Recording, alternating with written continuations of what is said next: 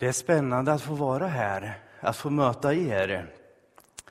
Att eh, få chansen att komma till en annan kyrka och se hur det är på gudstjänsten här. Så jag har sett fram emot att vara här.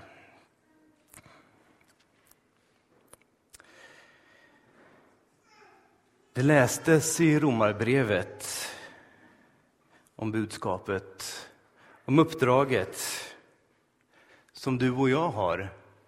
Uppdraget att bära budskapet. Att eh, människor inte kan veta saker som de inte har fått höra talas om, det får vi väl se som ganska självklart. Det tror jag vi håller med om. Ja, det finns undantag. Människor som börjar längta och själv söker kunskap. Fast å andra sidan så är det ändå någon som har berättat också för dem. Även om det kan ligga många, många år emellan dessa människor. Till exempel Bibelns författare. De har flyttat till en annan värld. Men de talar fortfarande till oss idag. Dessa vanliga människor hade fått ett uppdrag att genomföra. Det var inte det första de gjorde i Guds rike. Som alla andra så fick de börja med att söka, att leta. Sen blev de anhängare av saken. De blev efterföljare och de fick bli lärjungar. Hur lång tid den här processen tar, ja det vet både du och jag att det tar olika lång tid. För en del rör det sig om en väldigt kort tidsrymd från det att man börjar att fundera på Gud tills att man faktiskt kan vara en, en Kristi lärjunge. För andra så tar det här ett helt liv att komma fram och bestämma sig. Kunskapen byggs sakta upp. Man kan inte slarva i ett bygge. Det måste vara rätt gjort från början. Annars är risken oerhört stor att det rasar. De här människorna började bygga upp sin kunskap. De fick självförtroende.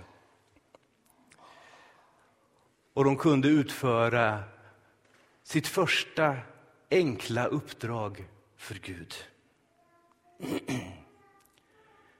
När tiden var inne fick de eh, sitt andra uppdrag efter sin förmåga. Inte efter någon annans förmåga, efter sin förmåga. Nu ska vi inte luras att dra paralleller mellan så kallade små uppdrag och att de skulle ha ringa värde. De här små uppdragen kan vara bland det viktigaste som finns i Guds rike. Det är genom dem som vi, du och jag, församlingarna kommer i kontakt med andra människor. Jag fick faktiskt ett vittnesbörd om det här i morse vid frukostbordet. Min äldsta dotter, som hade lite svårt att sova, fick ett meddelande någon gång i natt. Jag vet inte när. Och jag tror inte jag ska ta reda på det heller. Ifrån en av sina kamrater som undrade hur hon kunde tro och vad hon trodde på. Och de hade en, en utväxling av meddelanden någon gång i natt. där hon fick förklara sin tro. Det behöver inte vara avancerat. Ett enkelt uppdrag, men inte ringa. Det är ju få förunnat att göra de stora uppdragen. Att ses av tusentals människor. Att göra det här som koms ihåg under många år. Men är det uppdraget viktigare i Guds ögon? Skönt ljuder stegen av den som bär bud om goda ting. Jesaja-ord som tas tillbaka i Romarbrevet. En löpare, en ordonnans, en budbärare. Det är den som kanske inte deltar i striden men denne kan vara helt avgörande för stridens utgång. Väl rustade soldater kan stå sig slätt om inte löparen utför sitt uppdrag. Den väl utbildade befälhavaren kan inte veta hur striden går eller få fram sina order om inte ordonnansen gör det den ska. Budbäraren behöver inte vara den starkaste eller med mest kunskap för att utföra uppdraget. Men det ska göras. Annars förloras kriget.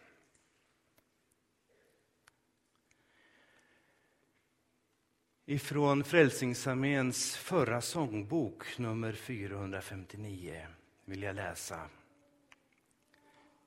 Jag kan ju nämligen inte sjunga den här, för jag kan inte melodin. Jag har dock försökt ett antal gånger och det går inget vidare. Kan du ej främst i skaran gå, frejdigt med lyft baner, så böj dig och res de fallna som trampas i trängseln ner.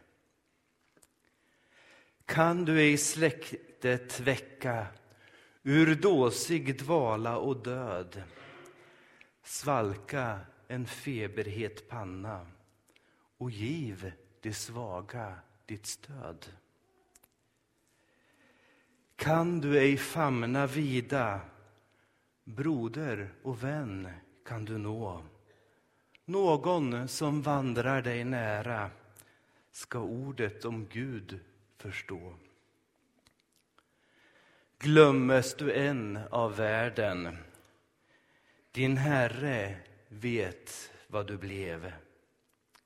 Löparen, ringa men trogen, som förde sin Herres brev.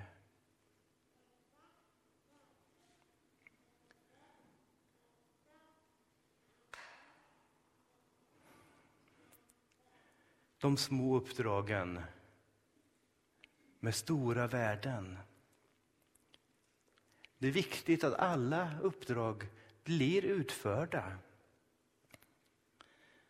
Det som gör störst skada, det är när ingenting händer.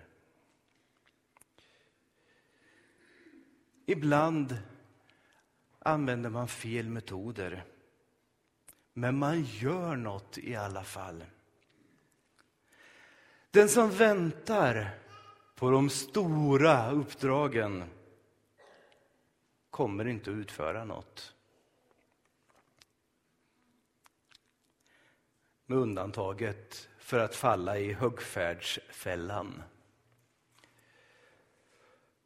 Var beredd att möta människan bredvid dig att leda med varsam hand till vattenkällan som ger liv. Ibland är källan långt borta. Ibland nära. Det kan finnas tillfällen då man bara behöver böja sig ner och visa på vattnet.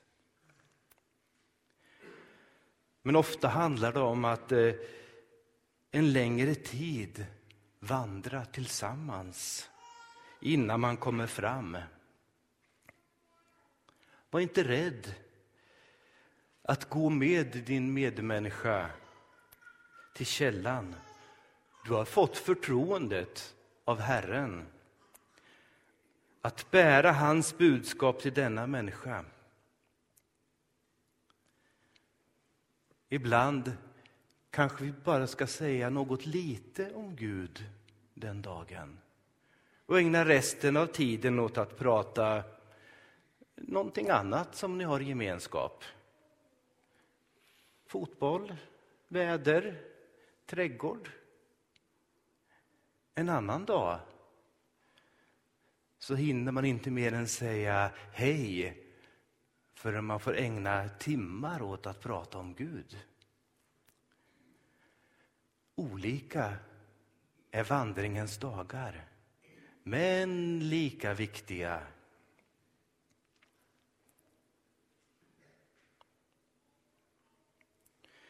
Några har fått eh, bördan att tala till tusentals.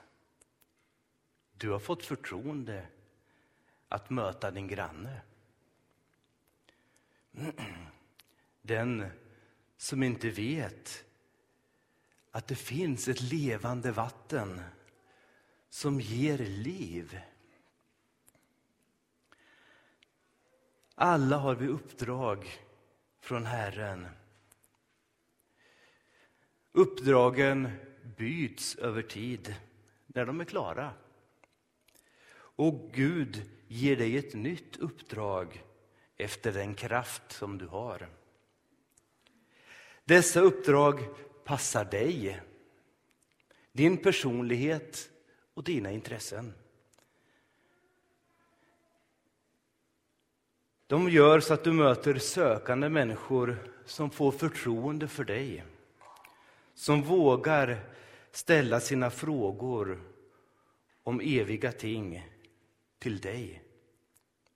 Du är rätt person för jobbet. Utför ditt uppdrag. Gud ger dig kraften. Och jag får förmedla Herrens välsignelse över dig och ditt uppdrag. Att leda människor till källan med levande vatten. Amen.